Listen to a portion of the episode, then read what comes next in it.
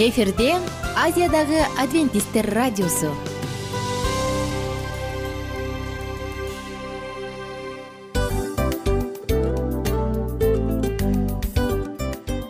Достор салют. Баардык сүйүктүү угармандарыбызга салам айтабыз. Кутман күнүңүздөр менен. Ден соолук өмүрдүн булагы демекчи саламат саамы программасында баарыңыздарды көргөнүбүзгө абдан кубанычтабыз. Анда алгач амандашып өтөлү арбаңыздар деп. Ден соолугуңуздар кандай элибизде көбүнчө ден соолук кандай дегенде эле жакшы деп жооп беребиз э ооруп турсак дагы жакшы дейбиз. Анан мен муну айтып ойлойт элем бул абдан сонун сөз депчи анткени бул жакшы деген үмүт да э ооба баары жакшы болот баары сонун. Деп үмүттөнүп атып эле өзүбүздү өзүбүз дарылап коебуз. Анысы кандай? Сиздин дагы ден соолугуңуз жакшы беш деген үмүттөбүз чындыгында ден соолук бул өмүрдүн булагы деп бекеринен айтылган эмес деп ойлойм. Кыргыз элинде анткени эгерде ден соолук жок болсо анда адамдын жашоосунда калган баардык керектүү маңыздуу нерселер өзүнүн баалуулугун жоготуп коет. Ошондуктан ден соолук бул эң керектүү нерсе. Ооба туура айтасың кесиптешим чынында ден соолугуң жок бир эки үч күн ооруп калсаң эле э кандай болуп калат? Жашоодо көз каранды болуп каласың көп нерсеге жетишпей каласың көп нерсени кыла албай каласың жада калса эшикке дүкөнгө да чыга албай каласың. Туптуура анан ден соолук болсо демек биз биздин бактыбыз тоодой деп койсок болот. Анда достор саламат саамы рубрикабызды баштайлы. Алдыда өзүңүзгө керектүү болгон сонун кеңештерди уга аласыздар. Мына ошондуктан биз менен бирге болуңуздар. Ал эми биз болсо милан жана айнура. Кеттик алга. Алга саламат саама ден соолуктун жарчысы. Саламат саама ден соолуктун ачкычы. Күн сайын сиз үчүн мыкты кеңештер сонун жаңылыктар кызыктуу фактылар биздин рубрикада.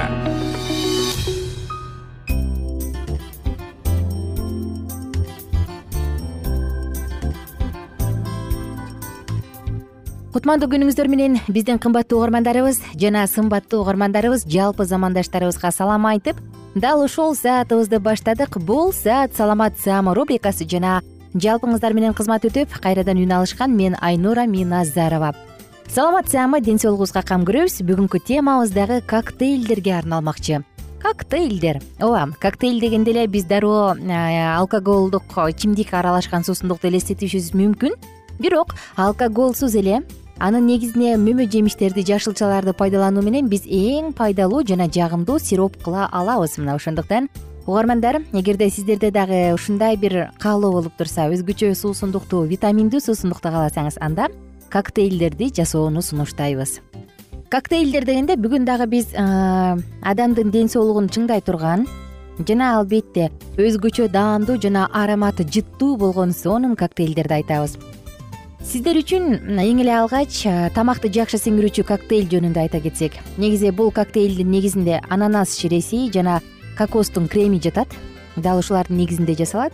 Анан албетте бул адамдын ден соолугун жогоруда айтылгандай эле бекемдеп тамак сиңирүүнү жакшыртат. Ананас жана ананастын ширеси жана кокостун креминен жасалган мындай коктейль даамы укмуш сонун. Анан албетте адамды сергитүүчү эффектке ээ анда ингредиенттерди айталы. Э, бул жүз жыйырма беш миллилитрден үч порция үчүн. Бир чашка ананас согу жарым чашка кокостун сливкасы же креми бир банан жана жарым кашык майдаланган муз. Дагы бир жолу кайталай кетейин жазып да алсаңыз болот.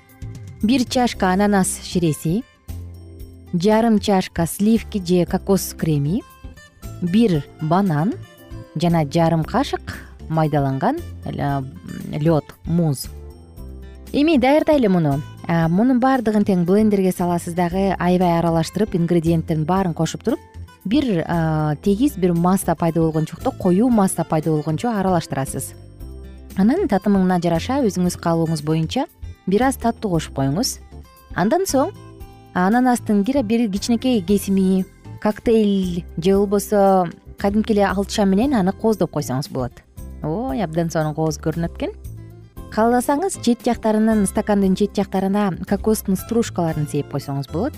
Анан албетте муну муздак бойдон трубка соломинка аркылуу ичсеңиз даамы сонун болот. Мындай коктейлдин касиети кандай? Жеңил сиңет. Адамда кычкылдуулукты деңгээлин сактайт жана ошондой эле энергия берет бул жол менен э, жүз жыйырма беш миллилитр бир стакандын ичинде жүз алтымыш эки калорий бар. Мына ушундай достор. Кийинки айта турган коктейль бул мөмө жемиштерден жасалган коктейль. Абдан даамдуу жана пайдалуу ошондой эле антиоксидант жана б с витаминине бай. Ингредиенттер жарым чашка персик ширеси жарым чашка ананас ширеси жарым чашка апельсин ширеси анан гранат сиропу анар сиропу. Жана ошондой эле майдаланган же төрт бурчтук төрт бурчтук болгон муз. Даярдай баштайбыз. Булардын баардыгын тең шейкерге салыңыз. Коктейль үчүн атайын шейкер идиши бар э. Дал ушуга салыңыз. Ага кубиктерди салыңыз. Андан кийин анын үстүнө персик шабдалыны ананас жана апельсиндин ширесин баардыгын тең бирдей өлчөмдө кошуңуз. Баары бирдей өлчөмдө болсун. Үч шире тең андан соң шейкерди аябай катуу силкилдетип чайкай баштаңыз. Булардын баардыгы тең абдан жакшы аралашып колуңуз муздап анын температурасын сезип калат. Ошондон кийин стакандын чет жактарын сахар же гранат ширеси менен бир аз куюп куюп куюп алып туруп андан соң майдаланган жогорку музду акырындык менен стаканга куюп алыңыз. Шейкерде эмне бар болсо ошонун баарын акырын куюп алыңыз. Бул шейкердин үстүңкү капкагын толугу менен ачып салбаңыз анткени шейкер ичиндеги шире фильтрлен өтүрүшү керек. Андан баарын куюп алгандан соң анын үстүнө анар сиропун бир аз куюп коюңуз.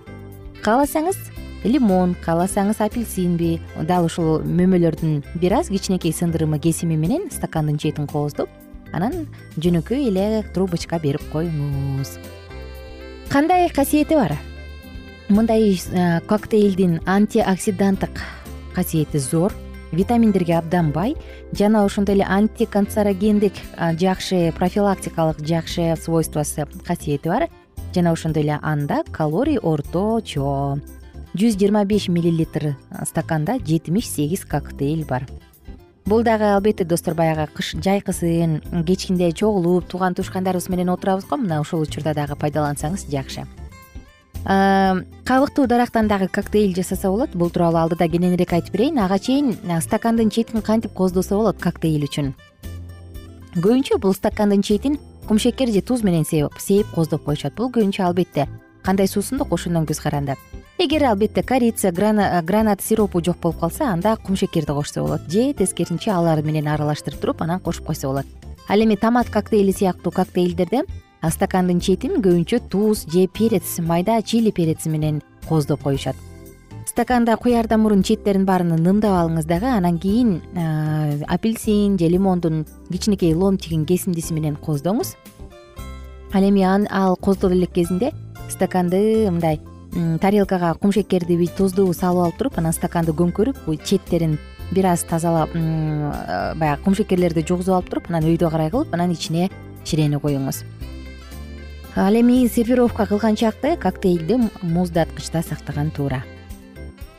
Мына достор сиздер менен биз бүгүн сонун маалыматтарды айттык. Эми кабыктуу дарак жөнүндө айтып кетем деген соң айта кетейин. Мунун дагы абдан сонун сапаты касиети абдан зор. Адамды азыктандыруучу артериалдык кан басымды төмөндөтүүчү жана анемияга каршы сонун касиеттери бар.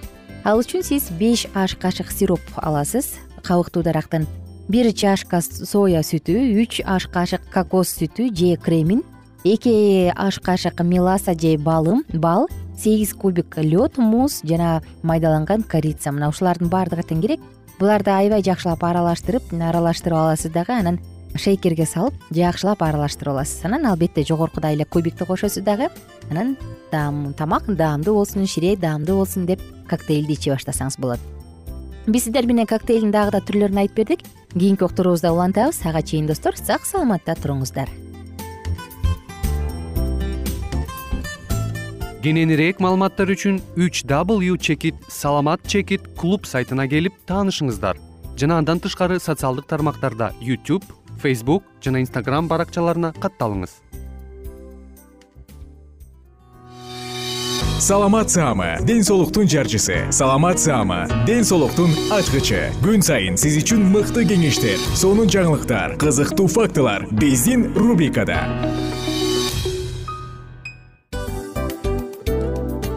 Салам достор. Кайрадан биздин сүйүктүү рубрикабызга кош келиңиздер деп айтмакчыбыз. Баардык замандаштарыбызга арбаңыздар деп саламыбызды айтабыз. Улуу ушундай бир урматтаган учурашуу менен анан дил маек радио баракчабызга чакырабыз. Негизи дил маек биздин рубрикабызда эмне жөнүндө кеп кылабыз бул дил маектин мааниси эмнеде рубрикабыз менен кичине тааныштырып кетсеңиз. Сөзсүз түрдө тааныштыра кетейин кесиптешим суранычы боюнча бул учурда бул радио баракчада биз ар тарап кесип ээлеринен сонун кеңештерди алабыз сүйлөшөбүз сырдашабыз аталарыбыздын эжелерибиздин апаларыбыздын кеңештерин угабыз. Айтор жан дүйнөгө адамдын э, сапатына адамдын деги эле адам болуп жашашына керектүү баардык кеңештер алдыда. Негизи э, дил маек дегенде баягы эки адамдын ортосундагы сырдашуу кенен сүйлөшүү. Негизи эле биз адамдар бири бирибиз менен бир жерге жай жерге отуруп алып өзүнчө тынч э, жашоо жөнүндө өмүрүбүздө эмне болуп атканын бөлүшкөнү жакшы көрөбүз э адамдар. Ооба туура айтасың анан мындай учурга кээде убакыт да жетпей келет э? Же болбосо сырыңды кайгыңды муңуңду кубанычыңды айткың келет адамга ишенбешиң мүмкүн. Ооба. А бул радио баракча угармандарыбыздын чыныгы досу. Анткени бизден алган кеңеш сиздин жашооңузга чоң жардам берет. Ал эми сиздин бизге айта турган сөзүңүз ортодо гана сыр бойдон калат. Ошондуктан биздин дил маек рубрикабызга дагы бир жолу кош келиңиздер. Жана биз даярдаган маалыматтарга даяр болуңуздар. Айнура жана милан сиздер менен бирге алдыга кеттик ар түрдүү ардактуу кесип ээлеринен. Алтын сөздөр жүрөк ачышкан сыр чачышкан сонун маек. Дил маек рубрикасында.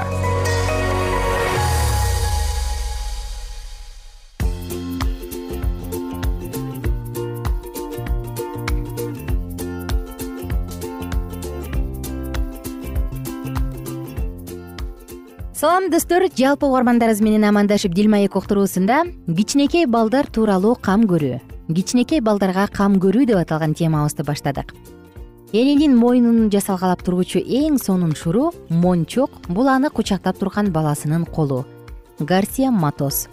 Сиз тыңдап жаткан дил маек уктуруусунун алкагында бактылуу үй бүлө деп аталган цикл дал ушул үй бүлөгө арналган сонун темаларыбыз сонун кеңештерибиз сонун маалыматтарыбыз баардыгы ар бир угарманыбызга арналат. Достор бүгүнкү тема дагы сиздер үчүн ошондуктан биз менен бирге болуңуздар дагы мыйтыйган бөбөктөргө кичинекей бөйтөшкаларга жөжөлөргө кантип туура кам көрүш керек? Мына бул тууралуу бүгүнкү темабызды тыңдап өтүңүз. Анда эмесе теманы дагы бир жолу жаңырталы кичинекей балдар тууралуу кам көрүү. Балдар үчүн жагымдуу тамак аларга жаратылыштын бергендери болуп саналат э? Жана бул мүмкүнчүлүктөрдү зарылдыгы жоктой санап четке кагууга болбойт. Өзүнүн жайлуулугуна жараша баланы тамактандыруучу маанилүү милдеттен өзүн куткаруу эне тарабынан таш боордук. Баланын мүнөзү мерчимдүү бир деңгээлде энесинен алган тамактануусуна жараша болот. Ошондуктан энеге баланы тамактандырып жаткан маалда шайыр болууга аракеттенип бул учурда өзүн толук байкап туруусу зарыл. Эненин бала менен баарлашып жаткан учурунда токтоо карманчаак болгону дурус. Бул баланын акыл эсинин туура жайгашуусуна чоң таасирин тийгизет. Эгерде бала нерви жука жана тез ачуулануучу болсо этияттык жайбаракаттык менен эненин жасаган мамилеси балага тынчтандыруучу оңолоочу таасир берет жана наристенин ден соолугу кескин түрдө оңоло баштайт. Наристеге кам көрүү наристенин өмүрү канчылык канчалык жөнөкөй жана тынчтыкта болсо ошончолук анын денелик жана акыл эсинин өсүүсүндө айтыла баштайт. Эне ар дайым тынч токтоо жана өзүн өзү кармануучу болсун эмчектеги балдар менен туура эмес мамиле кылуусу алар үчүн чоң кыйратуу наристенин тынчы кете баштаганда аларды эреже боюнча сооротуш үчүн эмизе баштайт. Мына ушинтип балдарды ымыркайынан баштап эле алар тамак ичүү үчүн гана жашап жаткандай кылып үйрөтүп коюшат.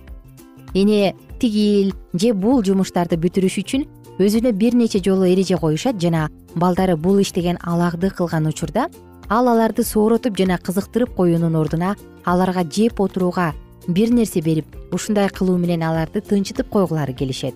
Жана өз максатына кыска убакытка чейин жетет. Бирок э, толугунда жагдайын кыйындатат. Көп эле байкайбыз э ыйлай баштаса колуна печенье бере калат. Же дагы бир момпо суу бере калат дагы. Могой могой жей кой деп туруп анан отургузуп коет го. Дал ушул жөнүндө сөз болуп атат.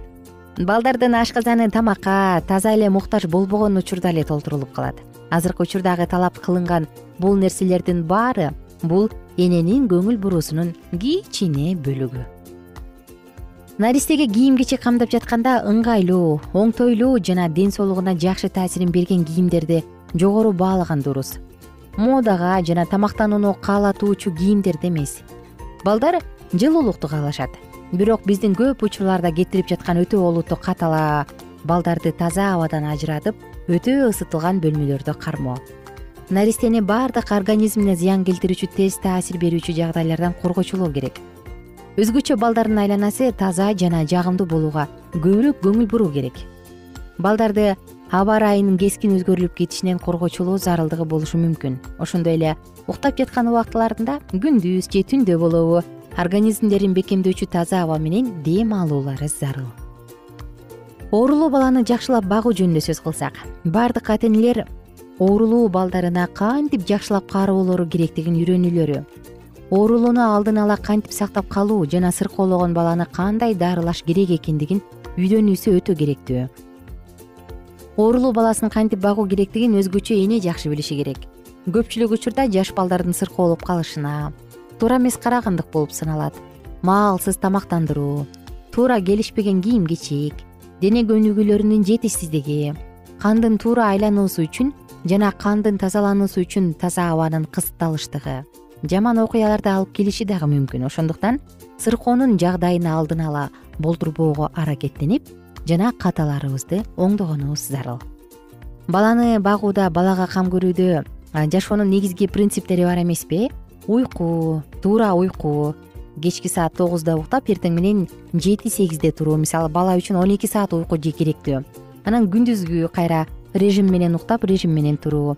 Бала төрт беш жолу күнүнө тамактануусу туура тамактануусу туура азыктарды пайдалуу азыктарды жегени булардын баары тең баланын ден соолугуна чоң таасир тийгизет. Туура мамиле позитивдүү маанай үйдөгү тынчтык сүйүү мээрим көрсөтүү. Эх достор санап отурсаң мына дал ушул факторлордун баардыгы баланын дени сак адам болуп калыптанышына чоң таасир тийгизет. Кээде карап отурсаң апалар балдарды он он бирге чейин басып алып уктайт дагы анан он экиде араң таңкы тамагын бергендер бар э? Албетте бул чоң катачылык. Ошондуктан бала эртең менен сегиз сегиз жарымда эртең мененки тамагын ичип калса анда ашказаны дагы бош бойдон айлана бербейт ашказаны оорубайт жана уйкусу жашоосу дагы сергек болот. Ошондуктан ата энелерибизге өзгөчө апаларга кааларыбыз бул учурда дагы балдарга туура кам көрөлү. Балдарды тарбиялагыла жана ошондо улууларды жазалоонун зарылдыгы жок дейт пифагор. Караңыздарчы баланы тарбиялоо бул бир гана курсагын тойгузуп кийимин татынакай кылып кийгизип коюу эмес а туура тойгузуу туура кийим кечек кийгизүү жогоруда айтылгандай мода кубалап тар шымдарды ичке шымдарды кийгизип койсоң кыз балага зыян. Шымына siiп салбасын шымын жуугум келбейт деп туруп дайыма памперс кийгизип койсоң эркек балага зыян. Мына ушул сыяктуу көптөгөн майда чүйдө факторлор бар эмеспи булардын баардыгын алдын алган жакшы. Ошондуктан энелер сиздерге өзгөчө чыдамдуулук каалайбыз. Чындыгында эненин жумушу кыйын. Өзгөчө бир үйдө бир эмес а бир нече бала боло турган болсо и байкуш энелердин нерви дагы жукарат энелер кыйналышат мына ошондуктан мен ушул уктуруунун башында айтып кеттим элем бир сонун сөз менен бөлүшкөм. Эгерде балалуу болгонду чечсеңер анда кудайдын алдында жоопкерчиликтүү болгула деп. Эгерде балалуу болуп бирок ага кам көрө албай калсаңар анда силер чоң катачылык кетирдиңер. Анда силер чоң күнөө кетирдиңер деп э анысы кандай? Ар бир үй бүлөдө төрөлгөн бала ушундай бир самал самап каалап анан төрөлгөн болсо экен. Ар бир үй бүлөдө төрөлгөн бала бактылуу болсо экен. Достор сиздер менен коштошобуз дагы кийинки уктуруубузда эненин башкы милдети жөнүндө сөз кылабыз. Ага чейин жалпыңыздар менен амандашканча сак саламатта туруңуздар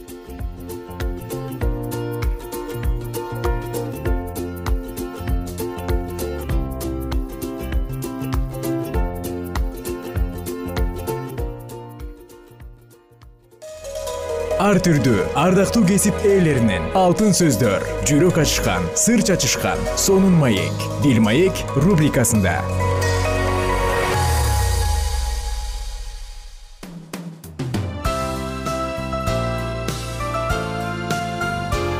Эфирде азиядагы адвентисттер радиосу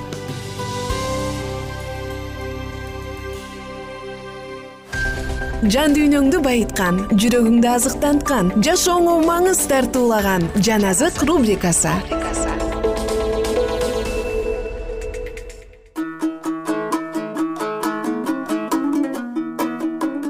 Салют достор кандайсыздар угармандар? Жалпы биздин кадырлуу замандаштарыбыз менен саатыбызды баштап бүгүн дагы жан азык рубрикасында инжил китебинен орун алган лука жазган жакшы кабарды бирге улантабыз. Биз менен бирге болуңуздар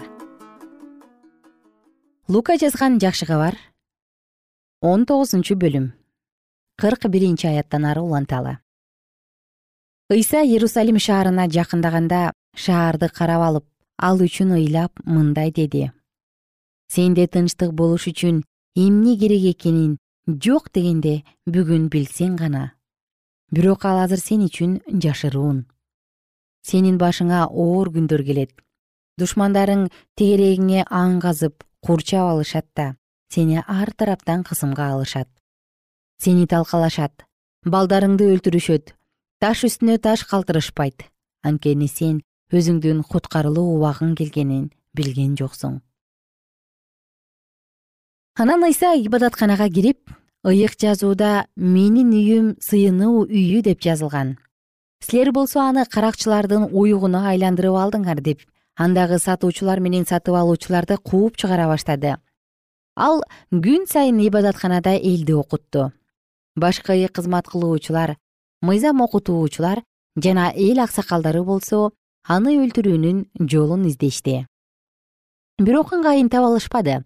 Анткени элдин баары аны сөзүнө кулак салып жанынан кетишчү эмес. Лука жазган жакшы кабар жыйырманчы бөлүм бир күнү ыйса ибадатканага элди окутуп жакшы кабар айтып жатканда башка кызмат кылуучулар мыйзам окутуучулар жана аксакалдар келишип сен муну кайсы бийликтин негизинде кылып жатасың? Сага бул бийликти ким берди деп сурашты. Ыйса аларга мындай деп жооп берди.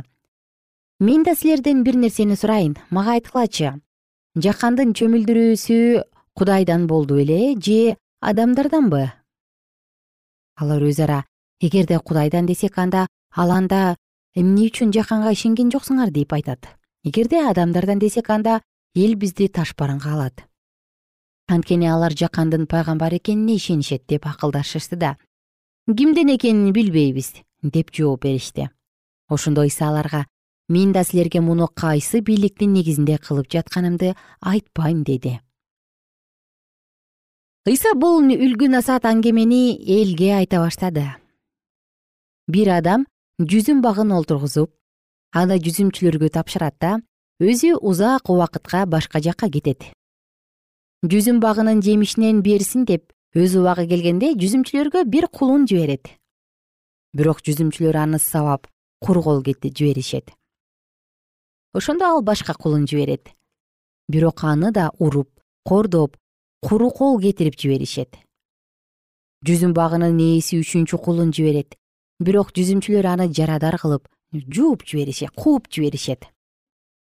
Ошондо жүзүм багынын ээси эмне кылсам сүйүктүү уулумду жиберейин мүмкүн аны көрүп уялышаар дейт. Бирок жүзүмчүлөр аны көргөндө өз ара бул мурасчы аны жүргүлө өлтүрүп салалы ошондо анын мурасы биздики болот дешет ошентип алар аны жүзүм багынын сыртына чыгарып өлтүрүп салышат. Эми эми жүзүм багынын ээси аларды эмне кылат? Ал келет да жүзүмчүлөрдү өлтүрүп жүзүм багын башка бирөөлөргө берет. Муну угуп тургандар болсо кой андай болбой эле койсун? деп жиберишти ошондо ыйса аларды карап анда ыйык жазуудагы куруучулар жаратпай койгон таш бурчтун негизи болуп калды. Ал ташка жыгылган адам өлөт ал эми ал таш кимдин үстүнө түшсө аны басып өлтүрөт деген сөздөр эмнени билдирет? Деди. Башка кызмат кылуучулар менен мыйзам окутуучулар ыйсанын бул үлгү насаат аңгемеде өздөрү жөнүндө айткандарын түшүнүшкөндүктөн ушул учурда ага кол салууга ниеттеништи бирок элден коркушту алар ыйсаны көзөмөлгө алып адил адамдай көрүнгөн өз кишилерин жашыруун жөнөтүштү. Аны сөзүнөн кармап башчылардын жана соттун колуна өткөрүп бериш үчүн алар андан. Устат сенин туура сүйлөп туура окутаарыңды билебиз. Бет карамалык кылбайсың. Кудайдын мыйзамдарын туура окутасың кандай дейсиң? Биз рим падышасына салык төлөшүбүз керекпи же жокпу? деп сурашты ыйса алардын жаман оюн билип мени эмнеге сынап жатасыңар? Мага бир динарийди көрсөткүлөчү. Мунун бетиндеги сүрөт менен жазуу кимдики деди алар падышаныкы деп жооп беришти. Ыйса аларга андай болсо падышага тиешелүүнү падышага кудайга тиешелүүнү кудайга бергиле деди. Ошентип алар ыйсанын эл алдында сөзүнөн кармай албай анын жообуна таң калып унчукпай калышты. Ошондон кийин өлгөндөр тирилбейт деген садукейлердин кээ бири келип ага мындай суроо беришти устат муса пайгамбар бизге эгерде кимдир бирөөнүн бир тууганы бала көрбөй көз жумса анда башка бир тууганы анын аялын алып тукумун уласын деп жазып калтырган. Жети бир тууган бар эле. Биринчиси аял алып бала көрбөй көз жумду ал аялды экинчиси да алып баласыз өттү аны үчүнчүсү да алды аны жети бир тууган тең алып баласыз өтүп кетишти. Баары өлгөндөн кийин аял да көз жумду. Өлгөндөр тирилгенден кийин ал кимисинин аялы болот анткени аны жетөө тең аялдыкы алган болчу. Ыйса аларга мындай деп жооп берди. Бул дүйнөдөгү адамдар аял алышат күйөөгө тийишет. Ал эми тиги дүйнөгө барууга ылайык деп табылгандар тирилгенден кийин үйлөнүшпөйт турмушка чыгышпайт. Алар ал жакта өлүшпөйт. Анткени периштелерге окшош болуп калышат. Алар кудайдын балдары. Анткени алар өлгөндөрдүн арасынан тирилишкен өлгөндөр тириле тургандыгын муса да жалындаган бадал жөнүндөгү аңгемеде айткан. Ал жерде теңирдин мусага мен ыбрайымдын ыскактын жакыптын кудайымын дегендиги айтылат. Кудай өлгөндөрдүн эмес тирүүлөрдүн кудайы анткени ал үчүн бардыгы тирүү деп айткан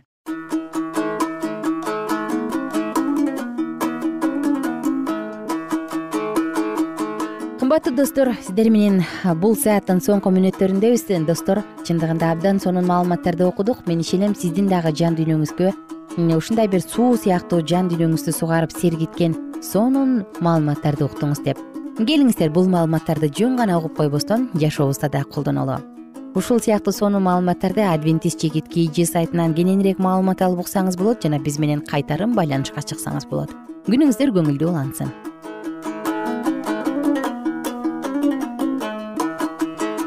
эгер сиздерде суроолор болсо же көбүрөөк маалымат билем десеңиз анда биздин whatsapp номерибизге жазыңыз.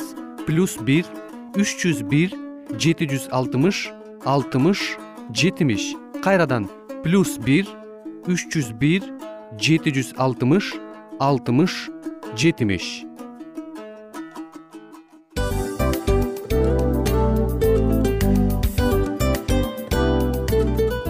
ушул менен достор программабыздын уктуруубуздун эң кайгылуу мөөнөтүнө келип жеттик.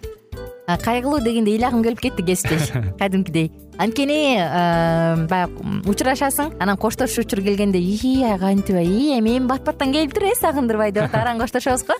Анысы кандай угармандарыбыз менен коштошчу учур келди. Кийинки уктурууларды сагыныч менен жүрөгүбүздө кусалык менен күтөбүз жалпыңыздарды анан жарым сааттык уктуруу көз ачышым канча өтүп кетти.